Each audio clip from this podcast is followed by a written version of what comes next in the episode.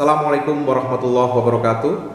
Saya Rahmat Miko, Kepala SMK Telkom Sidoarjo, mengucapkan selamat dan sukses atas pelantikan Ahmad Mugdlor Ali dan Subandi sebagai Bupati dan Wakil Bupati terpilih Kabupaten Sidoarjo periode 2020-2024. Semoga dapat menjalankan amanah dan menjadikan Kabupaten Sidoarjo lebih maju dalam segala bidang.